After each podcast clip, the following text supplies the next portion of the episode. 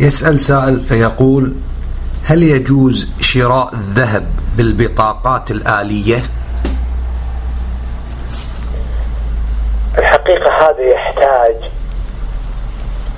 إلى نظر لأن النبي صلى الله عليه وسلم لما ذكر الربويات الست وهي الذهب والفضة والبر والشعير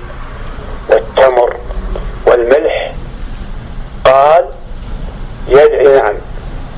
آه، فإذا اختلفت الأجناس فبيعوا كيف شئتم. إذا كان يدا بيد. والجنسان مختلفان في هذه الصفقة. وهي شراء الذهب النقد مختلفان. لكن هل تتحقق الفورية أو لا؟ هذا فيه نظر. يحتاج إلى يحقق إلى نظر وأنا حتى هذه الساعة لا أجزم وإنما أوصي أن يسلم النقد بعد تسلم البضاعة من الذهب.